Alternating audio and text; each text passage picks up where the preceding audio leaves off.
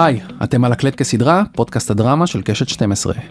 אני מני אבירם, והיום אני מארח את קרן שחר, מי שהחל מחודש ינואר הקרוב, תיכנס לתפקידה כמנכ"לית קשת אינטרנשיונל KI, זרוע ההפצה, ההפקה והפיתוח הבינלאומית של קשת, ותחליף את אלון שטרוזמן, שמילא את התפקיד במשך עשור. שחר, שבעשר השנים האחרונות שימשה כיד ימינו של שטרוזמן, הייתה מעורבת כמנהלת ההפצה של KI בעסקאות רבות של מכירת תכני דרמה ישראלים.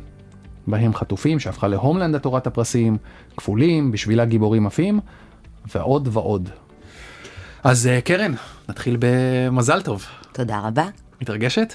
מאוד. כן? איך זה בעצם נולד? מה היה התהליך הטבעי שהוביל אותך לכס המנכ"לית? זה נולד במשך 18 שנה. זו הייתה לידה ארוכה מאוד. לא, אבל אם אני אה, רצינית לשנייה, אני חושבת שלזכותו של אלון ייאמר. אלון שטרוזמן, שהוא כרגע המנכ"ל של נכון, KI בעשור ושהיה האחרון. מנכ"ל KI מה- מהיום שייסדנו את החברה בעצם, לפני אה, כעשר שנים. אני חושבת שמבחינתו זה מה שנקרא, he groomed me מהיום הראשון לרגע הזה. תכף uh, את תספרי על uh, הדרך שהביאה אותך עד הלום, אבל אנחנו בדיוק בטיימינג כזה שממש בימים אלה עלתה באפל הגרסה האמריקאית לבשביל הגיבורים עפים, שקוראים לה אקו 3. נכון. אוהבת את זה? אהבת את זה? מה הדיבור? אני מודה שלא ראיתי הרבה מהסדרה. זה ממש מבצע חשאי, ואפילו אנשים בתוך החברה, מעטים, קיבלו את הלינקים המאוד מאוד אה, מוגנים לסדרה, אז אה, אני לא יכולה להגיד כמה אני אוהבת את זה או לא.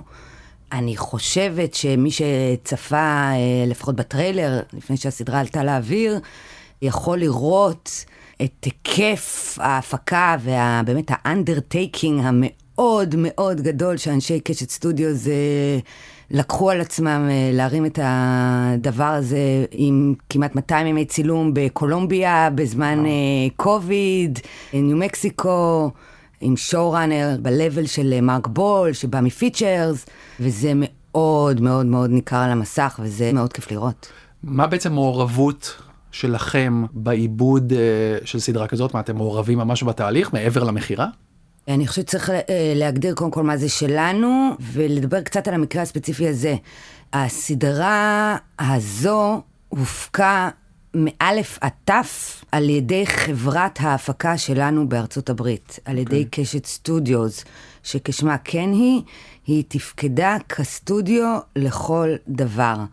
בניגוד למה שקורה בדרך כלל למי שהוא לא סטודיו בארצות הברית, שבו הוא לא זה שאחראי לדלבר את הסדרה לגוף הרוכש, ואז הוא מה שנקרא Non-Writing Executive Producer, שהוא סוג של ה-go between הגוף הרוכש לסטודיו. המקרה הזה הוא שונה. המקרה הזה הוא כמו מה שאנחנו פה בישראל מכירים, קשת סטודיוס תפקדה כחברת ההפקה לכל דבר, ולכן הם היו אחראיים מאלף עד תף על כל האספקטים של ההפקה, החל מהפיתוח, דרך המימון, דרך לוודא שיש את אה, כל המסכות קוביד, פוסט. הפקה לכל דבר. לכל דבר. תגידי, אז בוא נשאר סביב זה רגע. איך נמכרה בשבילה גיבורים עפים, ובסוף מצאה את עצמה באפל? שוב, זו לא מכירה רגילה. זו לא מכירה שנעשתה על ידי איש מכירות. בפעילות ההפצה שלנו, okay. שזו גם הפעילות שאני כיום מנהלת. המכירה בעצם נעשתה דרך קשת סטודיוס כמפיקים. אוקיי. Okay. זאת אומרת, לא הנה הפורמט, עכשיו בואו נראה מי ילך לעשות האדפטציה, מי יפיק את זה, אלא הנה הפורמט הקיים, שאגב, הסדרה הישראלית נמכרה כן על ידי פעילות ההפצה שלנו בכלל לנטפליקס. אוקיי. אוקיי. שהייתי אומרת שזו סיטואציה די ייחודית, שסדרת המקור משודרת על streamer אחד, והרימיק, הדובר האנגלית שלו, מופק ל streamer אחר. אל תשכח, זה היה לפני כמעט ארבע שנים. אני מניחה שאולי היום זה אפילו לא היה קורה okay. בדרך הזאת. אז בעצם זה מכירה כמפיק. זה... הנה הפורמט הישראלי, כן, תראו, יש פה proof of concept, יש פה סיפור שאתם כבר יכולים לראות, אתם לא צריכים לדמיין אותו. והנה מי שאנחנו חושבים שיכול להוביל את הסיפור האמריקאי, את הרימק האמריקאי, ומשם זה, זה הולך.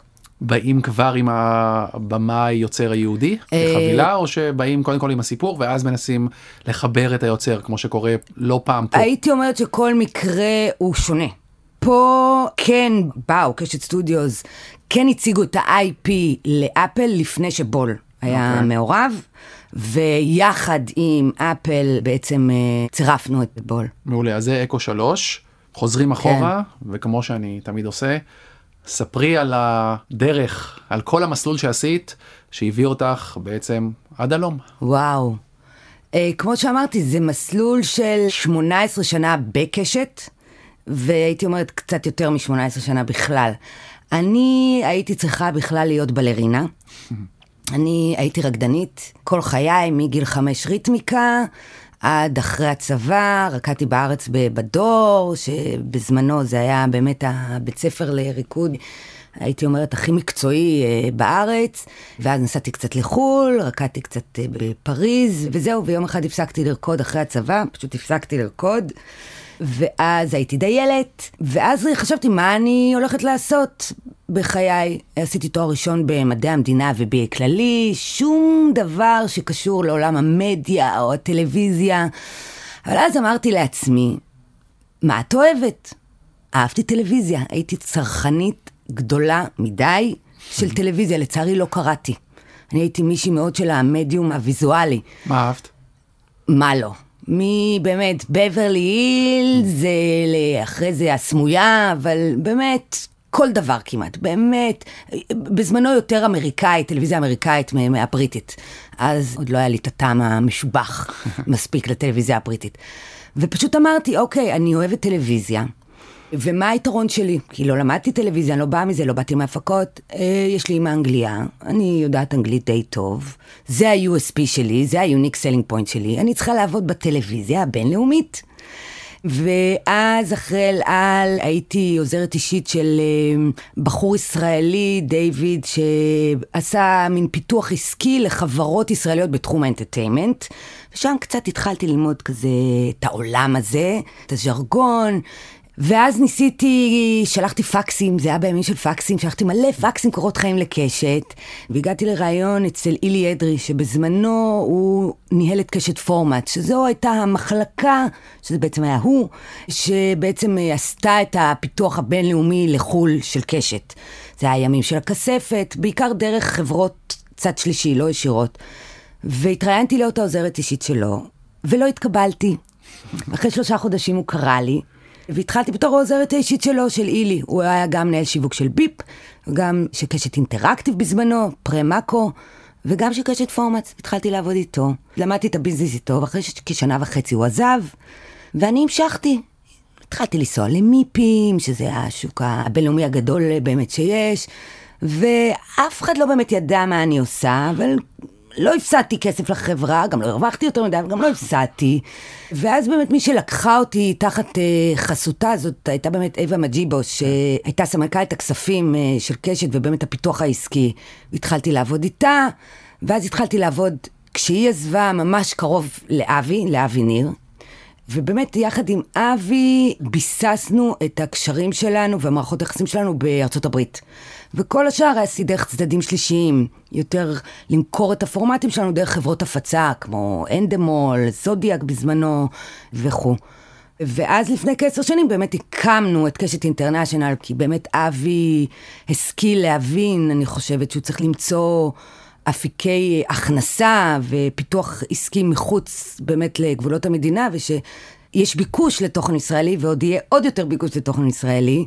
וב-KI אני באמת אחראית על הפעילות של ההפצה, שזה המכירות של התכנים שלנו. ובאמת, כמו שאמרת, הייתי אומרת, יד ימינו של אלון, פחות או יותר על כמעט כל דבר בחברה. סיכום נאה.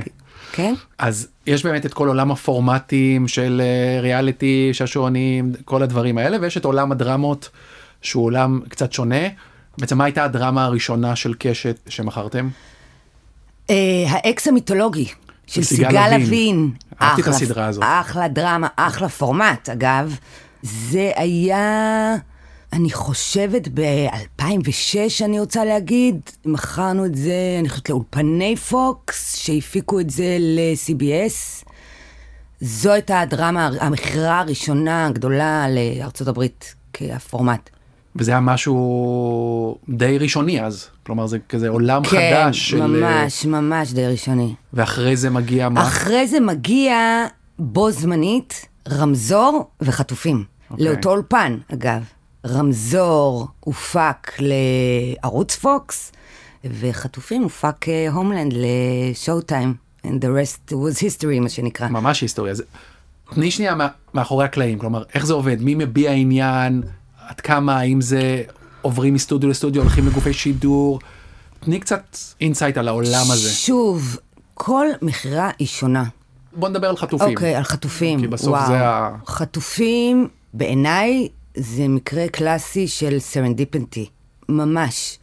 אבי, שנתן אור ירוק, זמן לא קצר לפני כן לגידי, בעצם... גידי רף. גידי רף, היוצר סליחה. של- היוצר של חטופים, לכתוב ולהפיק את הסדרה לקשת, לארץ. כן. ואז אבי, באחת מהנסיעות שלו לארה"ב, בעצם עשה פיץ', הציג, סיפר לריק רוזן, הסוכן שלנו בזמנו, וויליאם מורס, זה היה לפני המיזוג של אה, וויליאם מורס, מספר לו על הדרמה שגידי כותב לו לשידור בארץ. משום אה, מחשבה של הנה אני הולך למכור את זה בארצות הברית, כי זה סיפור הרי כל כך ישראלי. וריק נדלק על זה. אתה שואל אותי איך זה הולך? הייתי אומרת, השלב הראשון זה להדליק את הסוכן שלך על הפרויקט. הסוכן. למכור את הפרויקט לסוכן שלך. זה השלב הראשון. ריק רוזן ייצג את אה, הווארד גורדון ואלכס גנסה, שותפים לכתיבה, והוא אמר, הווארד ואלכס בדיוק מסיימים את העונה האחרונה של 24, מחפשים את הפרויקט הבא שלהם. אני חושב שזה צריך להיות הפרויקט הבא שלהם. ולדעתי, גידי תרגם את כל התסריטים שלו בטיסה מ-LA לארץ, מעברית לאנגלית.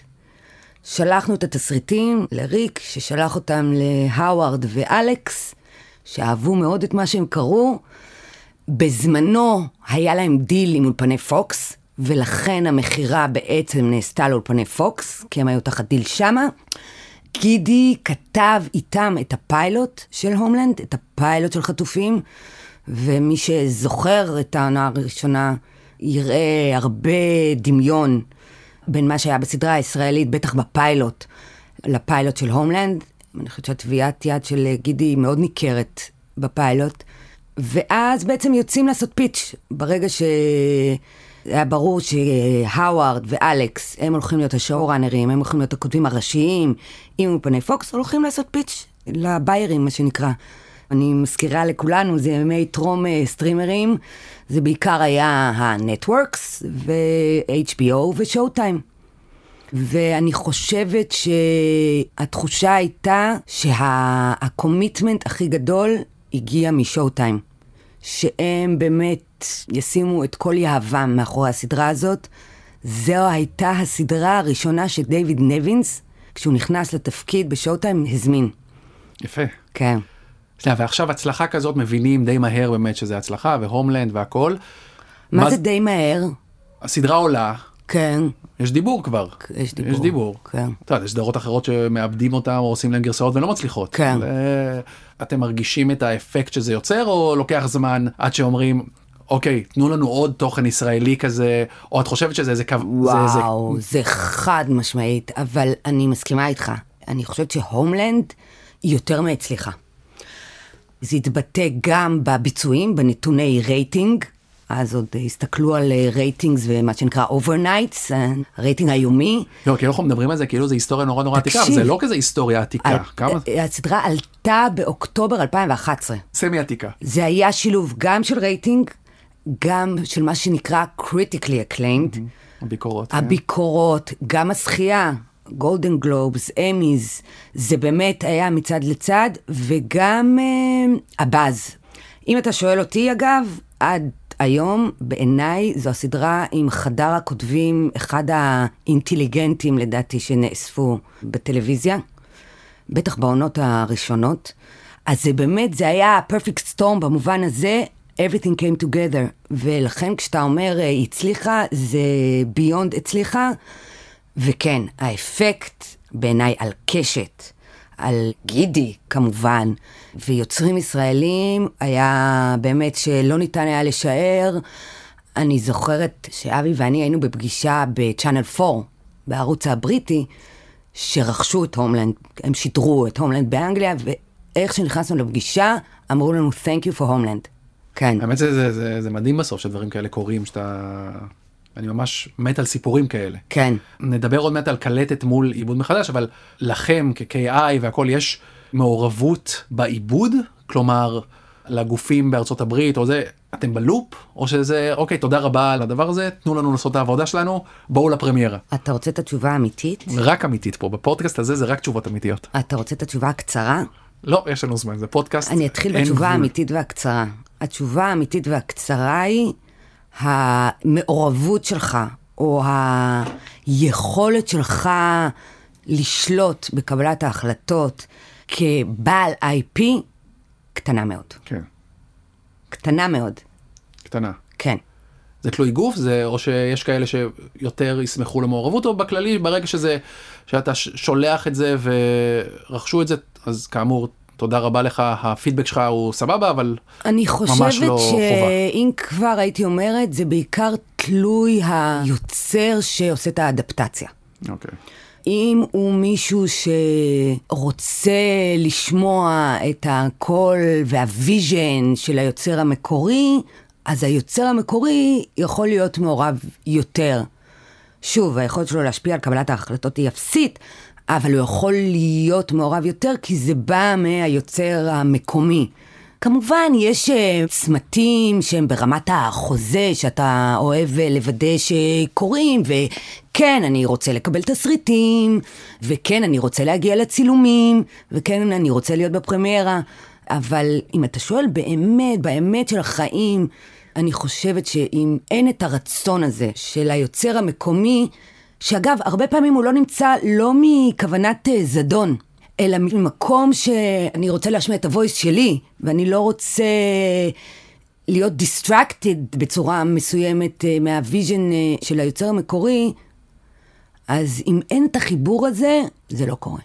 יש גם באסה לפעמים, כלומר, שהעיבוד האמריקאי, אנגלי, ווטאבר, החולי, לא עושה חסד עם, בהחלט. המק... עם המקור, בהחלט. אני חושבת שאם תשאל את אה, אדיר מילר, נגיד בעיבוד של אה, רמזור, כן, דיברנו על זה פה. אני חושבת שזה היה ברור אה, לכולם משלב די ראשוני שהעיבוד האמריקאי לא יצליח, כי הוא באמת עיקר את כל המהות של הסדרה הזאת, כנראה בגלל שזה הופק לנטוורק אמריקאי, אז הם לא היו יכולים להיות, אה, לא יודעת, בזמנו קראנו לזה אג'ים מדי, ישירים מדי, אז הכל נהיה נורא פרווה, אז כל הפאנצ'ים על הניואנסים של החיים האמיתיים, שבאו לידי ביטוי כל כך יפה אצל אה, אדיר, נעלמו ברימק האמריקאי.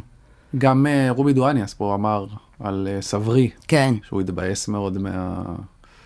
מה שבסוף יצא מזה כן. בעיבוד. אני האמריקאי. תמיד אומרת, למי שרוצה לשמוע, לא תמיד יוצרים רוצים לשמוע אותי, אם אתה לא מסוגל לשחרר את הדבר הזה, אל תיכנס לזה מלכתחילה. לא, מה זה אל תיכנס? אם בסוף יש אה, פורמט תיכנס. של קשת ששידרו פה והוא שלכם ביחד עם היוצר, היוצר אומר, אה, אני לא רוצה שזה ילך. העיבוד הזה או מה שמציעים לא מתאים לי, הוא לא באמת באיזה פוזיציה להגיד לא רוצה. לא, לא, לא אל תיכנס ב... אני לא רוצה שתמכרו את זה, כן. אל תיכנס למקום של מעורבות רגשית. אז זה קשה, לא? זה בסוף ב- ה baby שלך. תראה, אני, שוב, אני כן. לא יוצרת, כן? קטונתי. ברור, ברור. ונגיד, את, בסוף בתור מי שנורא נורא מעורבת בכל תהליך ההפצה והמכירה של זה, עד כמה מקשיבים לקול שלך שם בגופים, או שכמו היוצר, והאם את מתבאסת ממשהו שלא יצא כפי שרצית או חשבת שהוא יצא? ברור, ברור. התשובה היא שוב, לרוב היכולת שלנו כמפיצים או כבעלי IP לשלוט בתהליך, לשלוט בצמתים המרכזיים, היא לא גדולה. וברור שזה מתסכל. וכל מה שאתה רוצה לקוות זה שיהיה שם את הצוות הנכון שידע לעשות את האדפטציה לשוק שלו, תוך שמירה על הגרעין, על ה-DNA של ה-IP הזה. כי אתה אומר לעצמך, יש סיבה הרי למה הם רכשו את ה-IP הזה, נכון? יש סיבה שהיא לא רק אה, משפטית. ואתה רוצה לקוות שיש שם את האנשים הנכונים, באמת שיקחו את הגרעין הזה ויעטפו אותו ויעשו את הניואנסים הנכונים, אבל זה לצערי לא תמיד קורה. עוד בשנה, שנתיים, שלוש האחרונות עלה גם העיבוד לכפולים באפל, נכון? כן, סספישן, נכון. וגם ממש... בינואר השנה. כן, וגם ממש לאחרונה עלה העיבוד לתיק נהדר בפיקוק של דרור משעני. נכון, העיבוד של אה, תיק נהדר הוא עיבוד של הספר. של הספר. דרור, נכון. אבל גם דרככם. הייתה סדרה, נכון, כן. אבל זה עיבוד של הספר. אוקיי, וזה יצא לך כבר אה, לראות? עוד לא. אה, ו... גם זה היה מאוד חשאי. וסספישן בעצם, סספישן ראיתי. ואיך, תספרי שנייה את הסיפור, כי זה בעצם, שנייה, אם אני משרטט, אז בשבילה גיבורים עפים זה אפל, אבל זה היה קודם לאפל, זה בעצם הסדרה השנייה לאפל. אז זה כאילו מערכת יחסים עם אפל שמתהווה נכון, וקורית. נכון, שאתה נוגע אגב בנקודה מאוד מאוד חשובה. מאוד חשובה. אין ספק שחלק מהסיבה שקיבלנו את ההפקה של גיבורים עפים, של אקו 3 לאפל, זה בגלל שהיינו בהפקה של סדרה אחרת לאפל. זה חלק מזה. אז שזה כפולים כאמור. של כפולים, נכון. אוקיי, תספרי קצת על אה, כפולים. כפולים הייתה בעצם תהליך מאוד דומה לתהליך בארצות הברית, רק באנגליה, על ידי חברת ההפקה שלנו באנגליה, יש לנו גם חברת הפקה באנגליה, קשת UK, מכירה לקומישיונרית של אפל שיושבת באנגליה. אוקיי. אז זה היה בעצם קומישן של אפל באנגליה. שוב, IP, הקומישיונרית באפל, ג'יי האנט, הייתה הקומישיונרית בצ'אנל 4 באנגליה. היא הכירה מאוד טוב את הסדרה הישראלית, היא זכרה אותה. כך שזאת לגמרי מכירה שבאה מה-IP, מהסדרה המקורית. שוב, מביאים כותב ראשי, פותחים חדר כותבים, במאי, מפתחים, כותבים תסריטים, מלהקים, כמו כל הפקה רגילה, אבל אין ספק שהאוריג'ין, המקור, זה באמת היה העונה הראשונה, הסדרה הישראלית.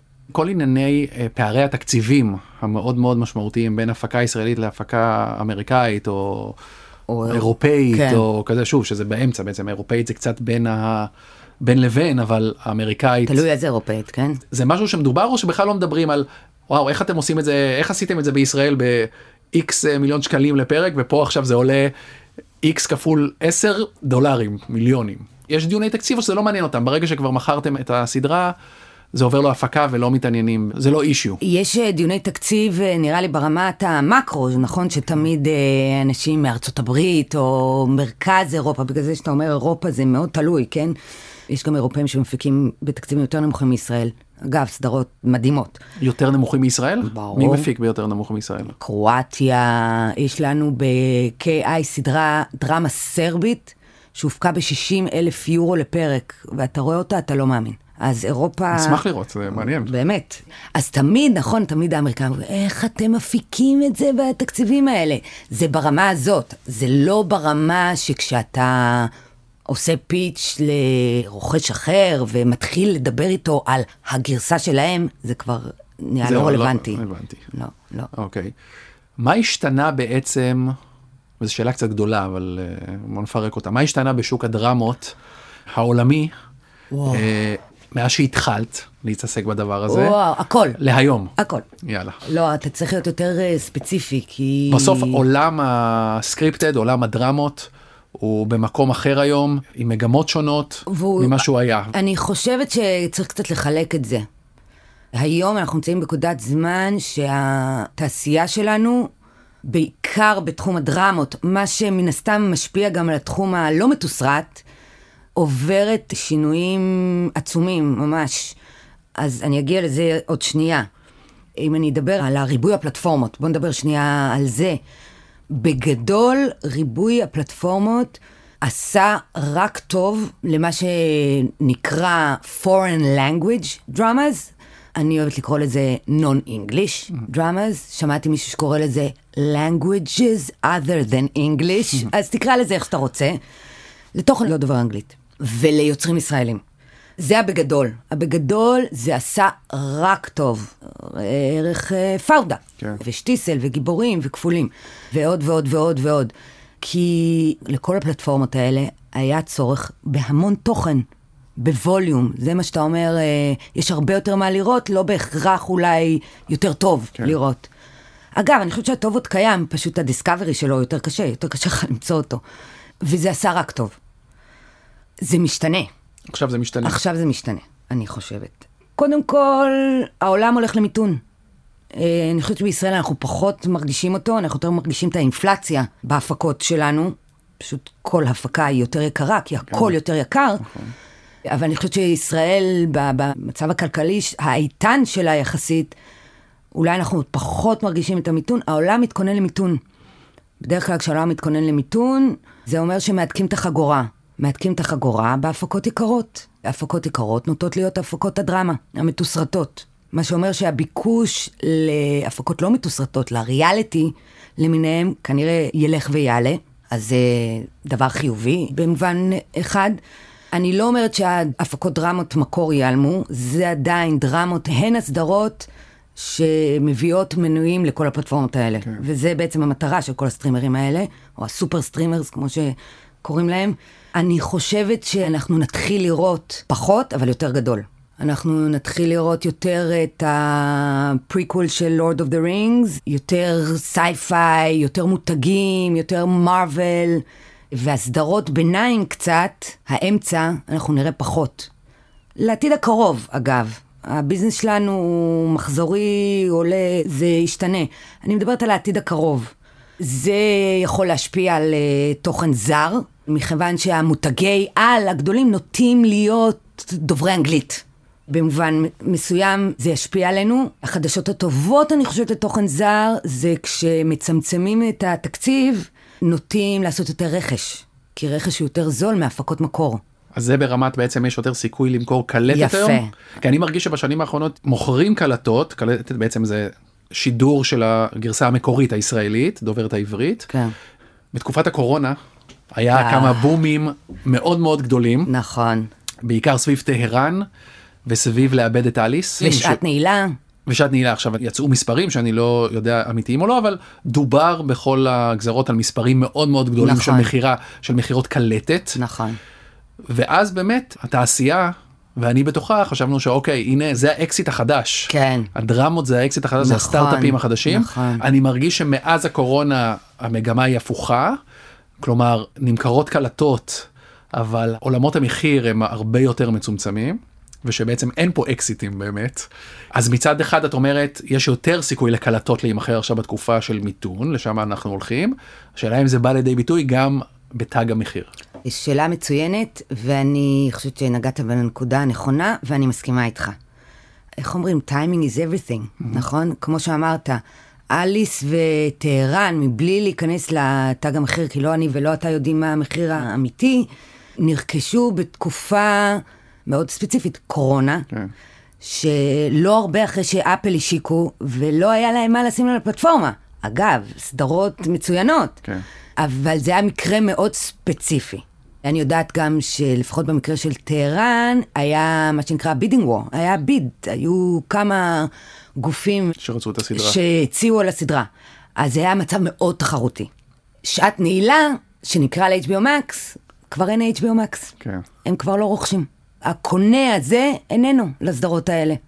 אז אתה צודק, התג מחיר הזה בעיניי לא יהיה, אלא אם כן זה יהיה מצב מאוד מאוד uh, תחרותי. אז זה, זה יכול להיות בתגי uh, מחיר מאוד מאוד גבוהים. אלא אם כן אה, תהיה קורונה שהוא מגפה עולמית שתשבית את תעשיית הטלוויזיה האמריקאית. נכון, או שביתת כותבים, כן. שמדברים עליה בתעשייה האמריקאית uh, במאי.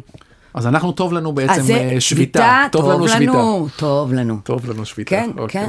אז מאחר ומחפשים, האם מחפשים דברים ספציפיים יותר? אני אומר מהזווית שלנו, מהזווית של בסוף אה, מדינת ישראל והיצירה הישראלית וכותבים ישראלים. האם את מקבלת או האם את מודעת לדרישות ספציפיות או מה יותר ומה פחות? לא, וגם כשאומרים משהו, בדרך כלל אסור לקחת את זה עם פייס uh, value, מה שנקרא, כ- כחקוק באבן.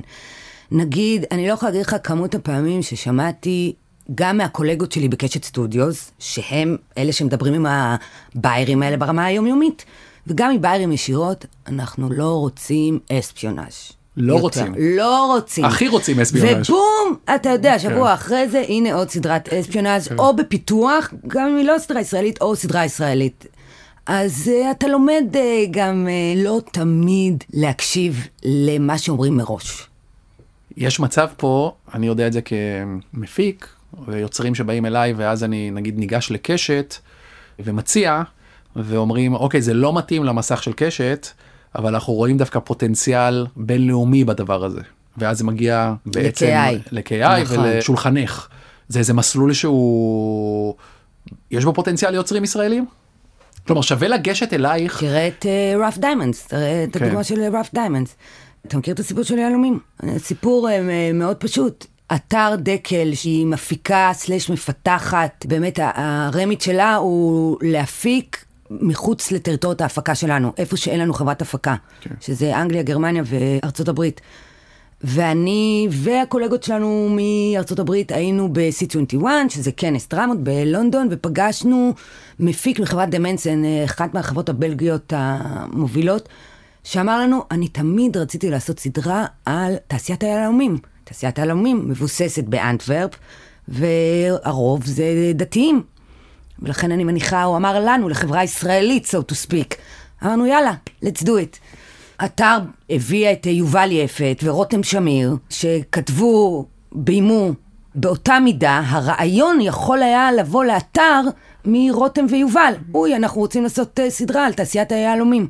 אתה מבין? כמו שאני תמיד אומרת, KI היא לא החברה הכי גדולה בתעשייה שלנו, היא לא החברה הכי עשירה בתעשייה שלנו, אתה יודע, אנחנו מתחרים עם חברות כמו בני ג'יי, אתה יודע, כן. חברה שרק החוב שלה זה מיליארד יורו, עם 120 חברות הפקה בעולם. איך אנחנו מתחרים עם החברות האלה? הכוח שלנו, ה-DNA שלנו, זה באמת היצירה הישראלית, היוצרים הישראלים, ה-voices הישראלים, ואני גם מרחיבה את זה אינגליש. אתה יודע, אנחנו, KI עשתה גם את המכירה הראשונה לדרמה קרואטית לנטפליקס, ברמה הגלובלית. הראשונה ואולי היחידה עד היום. מה לפני זה? כמה שנים. The Paper. דרמה קרואטית שנמצאת על נטפליקס, שאף אחד לא רואה לצערי. אמ, אז אתה יודע, אני מרחיבה את זה ל non-English. באמת, ה access שיש לנו היום ליוצרים הישראלים, למפיקים הישראלים, שמתפקדים כמו יוצרים, עם התשוקה שלהם לספר את הסיפור, ולא רק ישראלים, זה הכוח שלנו. יש סיכוי ליוצרים slash כותבים ישראלים לבוא עם רעיון לסדרה ואתם תצליחו למכור את זה או לעניין גוף שידור אמריקאי ושייתנו להם לכתוב את זה גם? אפרופו מה שאת אומרת על אה, Rough Diamond שבסוף יובל ורותם כתבו וביימו לנטפליקס עם חברת הפקה בלגית. יש לזה סיכוי לקרות באופן יותר אה, שכיח או בארצות הברית בכלל? אה, תשמע, אני חושבת שבארצות הברית זה יותר קשה. אם אתה שואל אותי, אני חושבת שזה יותר אה, שכיח באירופה. כי האירופאים הם אה, גם יותר דומים קצת לדרך שיוצרים בישראל, זה מאוד uh, tour driven. כן. זה, זה באמת הקול של, ה, של היוצר. זה מאוד תלוי בכותב, אה, אתה יודע, אה, ומהי היצירה שלו. קרולין שטראו שהתארחה פה בפודקאסט, עובדת על אה, סדרה עם חגי אה, לוי ל-HBO. כי היא אחת המפיקות של הסדרה. נגיד חגי זה יוצר ישראלי שהוא לצורך העניין כבר אמריקאי במובן הזה שהוא השם שלו נכון. פותח דלתות והוא מקבל, כלומר מקשיבים לו. אם בא עם רעיון אז אה. זורמים איתו, אבל לרוב. זה חגי. כן. נכון. יש סיכוי לעוד אנשים להיות חגי? ברור, ברור, למה לא? אבל אה, מה שאני אני אומרת מחפש סיבות זה... לאופטימיות פה, את רואה? אני לא, הכי אופטימיות. אני רוצה אופטימיות. הכי אופטימיות. אני רק אומרת, אתה יודע, גם חגי, זה לא קרה בן לילה. ברור. לפעמים, אה, אתה יודע, אנשים צריכים קצת סבלנות, קצת להשתפשף יותר, גם שזה יקרה יותר אורגני. אתה מבין מה אני אומרת? כן. אל תשכח, אתה מדבר על אה, חגי ל-HBO אחרי שלושה פרויקטים נכון, ב-HBO. נכון. נכון, אבל הם אז, מכירים בתקופה שלה, אותו, זה- יש להם היסטוריה כן. איתו רבת שנים. מבטיפול, The Affairs, Scenes of a Marriage, זה יותר מעשור. כן. לך, בתפקיד שלך, מהי הצלחה יותר גדולה, מכירת קלטת או מכירת פורמט? אשת המכירות שבי תגיד לך קלטת. קלטת זה מכירה מהירה יותר, לפעמים, תלוי, היא גם רווחית יותר, אז זה אשת המכירות שלי. האישה שגדלה בקשת ועובדת בקשת 18 שנים, תגיד לך הרימק. הרימייק. ברור. ברמת הכבוד או ברמת התהליך? לא, ברמת הפרוסס. ברמת הפרוסס, כאילו להיות חלק וללוות. דבר מ... שאתה קורא תסריט שנכתב עבור המסך של קשת, לראות גלגול אחר שלו, אבל שוב, שלוקח, אה, שנשען על ה-DNA של התסריט ההוא, זה דבר מדהים.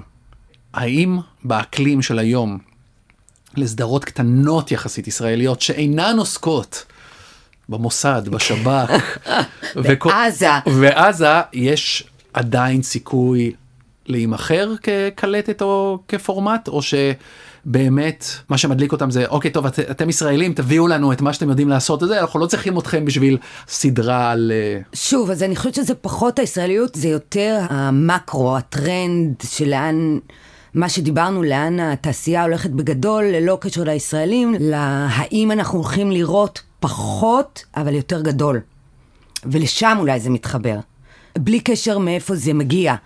אבל כן, אני חושבת שהשם שקשת ו-KI והתעשייה הישראלית בכללותה הצליחו לבסס, אני כן מבטיחה לך שכשאתה תשלח סדרה ישראלית לכל גוף שהוא, בין אם זה יוצר, בין אם זה HBO או בין אם זה סטודיו, מכיוון שזה בא מישראל, הם יצפו בזה.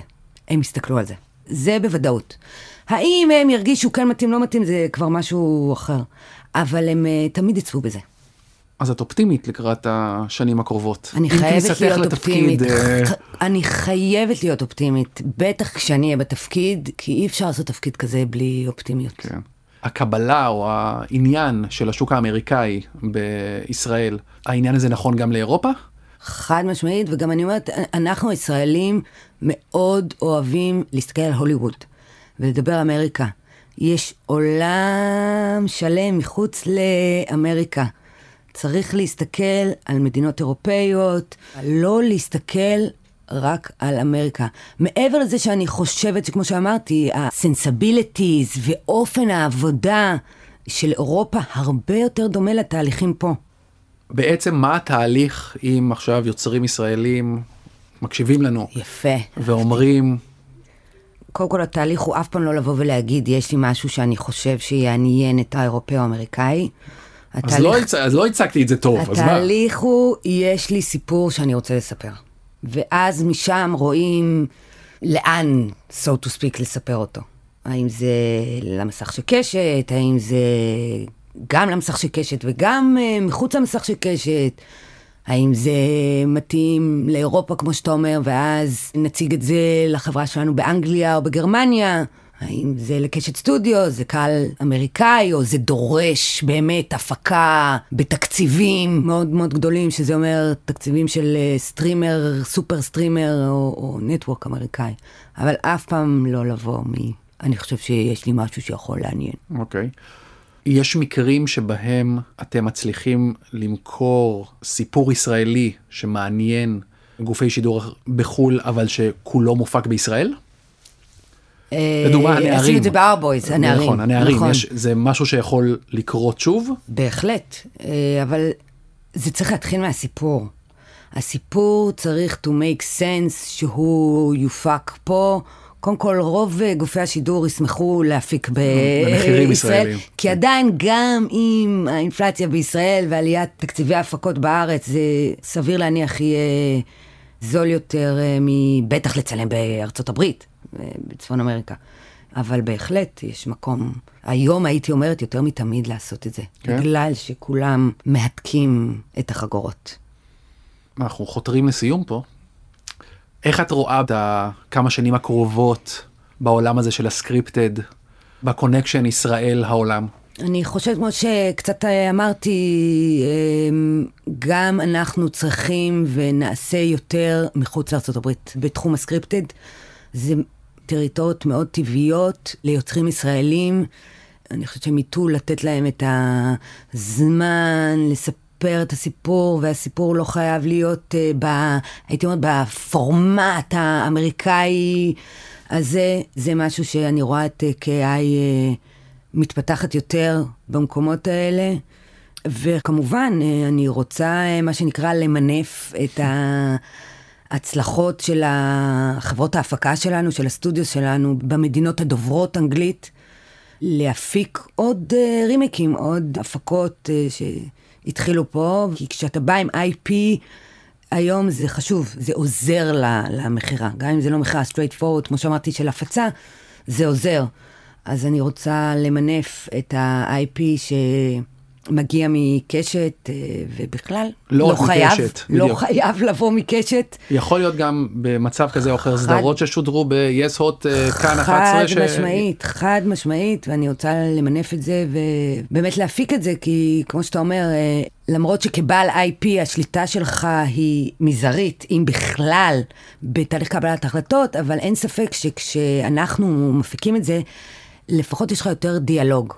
כי זה אנשים שלנו, אמנם הם לא ישראלים בהכרח, אבל זה אנשים שלנו, כן. אה, וזה עוזר. זה כבר שאלה עלייך מאוד.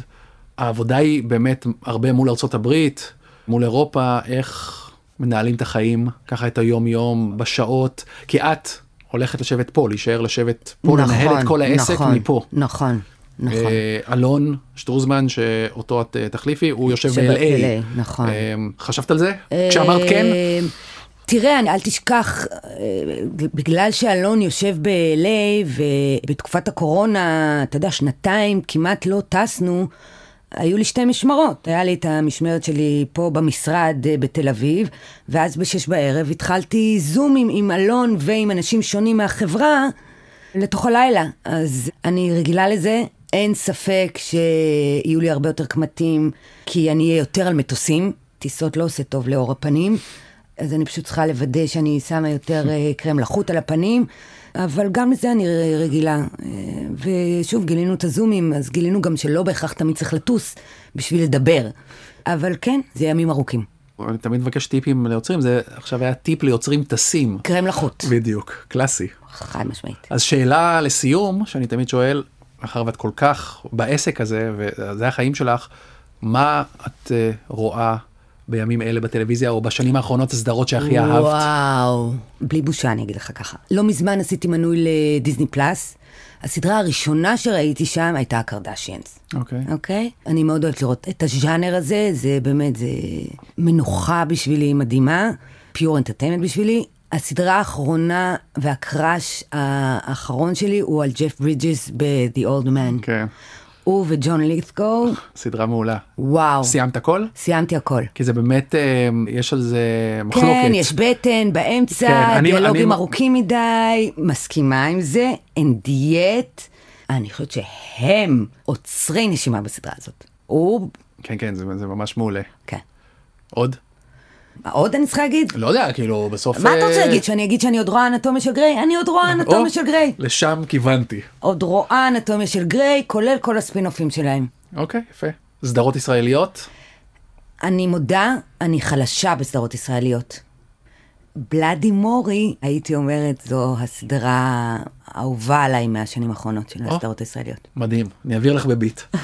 אה, טוב, מילים אחרונות? היה פחות כואב ממה שחשבתי. נכון, זה תמיד ככה. באמת, וכבוד הוא לי שהייתי פה. אני מאחל לך בהצלחה גדולה, תודה רבה. וזה באמת חשוב, כי זה עוד אה, גשר, צוהר ליוצרים הישראלים, ובאמת לרעיונות המדהימים שיש פה, בשוק שהוא קטן, מדי. בשביל להכיל את כל לגמרי, את כל הכישרון והיצירה, הזאת. כן, ומחפשים נכון. עוד אה, אפיקים. נכון. עד כאן הקלט כסדרה. תודה קרן. תודה רבה לך, מני. אני מני אבירם, תודה גם לאפרת מירון, העורכת שלנו, לנטע ספילמן המפיקה, תודה לשחר אהרוני על הסיוע הטכני. אתם יכולים ומוזמנים למצוא אותנו במאקו, בספוטיפיי, באפל פודקאסט ובגוגל פודקאסט. נשתמע בפרק הבא, יאללה ביי.